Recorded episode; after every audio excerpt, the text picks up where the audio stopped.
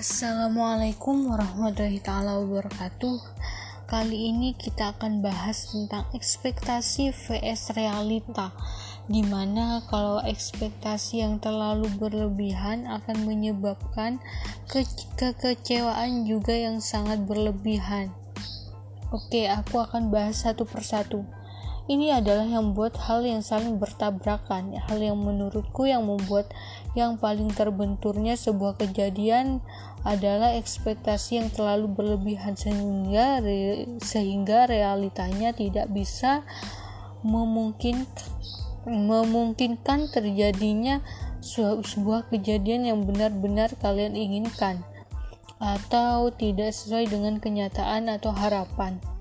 Jadi, buat teman-teman sekalian kalau berekspektasi tiba-tiba tak sesuai dengan realita pasti akan kecewa bukan? Ya pasti kecewa lah. Ya aku pernah gitu juga ya karena kecewa dengan pilihan sekolah sendiri tiba-tiba ya aku kecewa gitu. Jadi aku nggak terlalu panjang lebar soal ini tapi insya Allah akan memberikan dampak yang positif bagi kita semua gitu.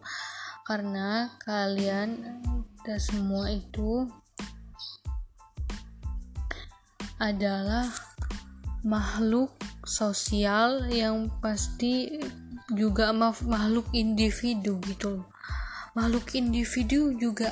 Kita setiap orang memiliki ekspektasi dan realitanya masing-masing di setiap hidupnya masing-masing. Seperti itu dalam kehidupan sosial bermasyarakat maupun kehidupan pribadinya sendiri. Seperti itu teman-teman.